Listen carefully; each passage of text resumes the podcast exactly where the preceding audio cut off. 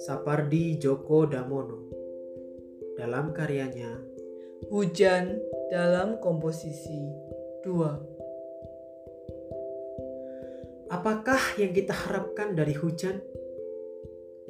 Mula-mula ia di udara tinggi, ringan dan bebas.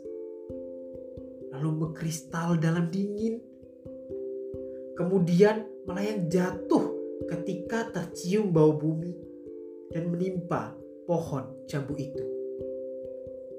Tergelincir dari daun-daun, melenting di atas genting, tumpah di pekarangan rumah, dan kembali ke bumi.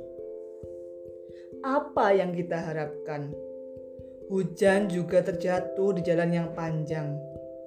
Menusurnya dan tergelincir masuk selokan kecil. Mericik suaranya.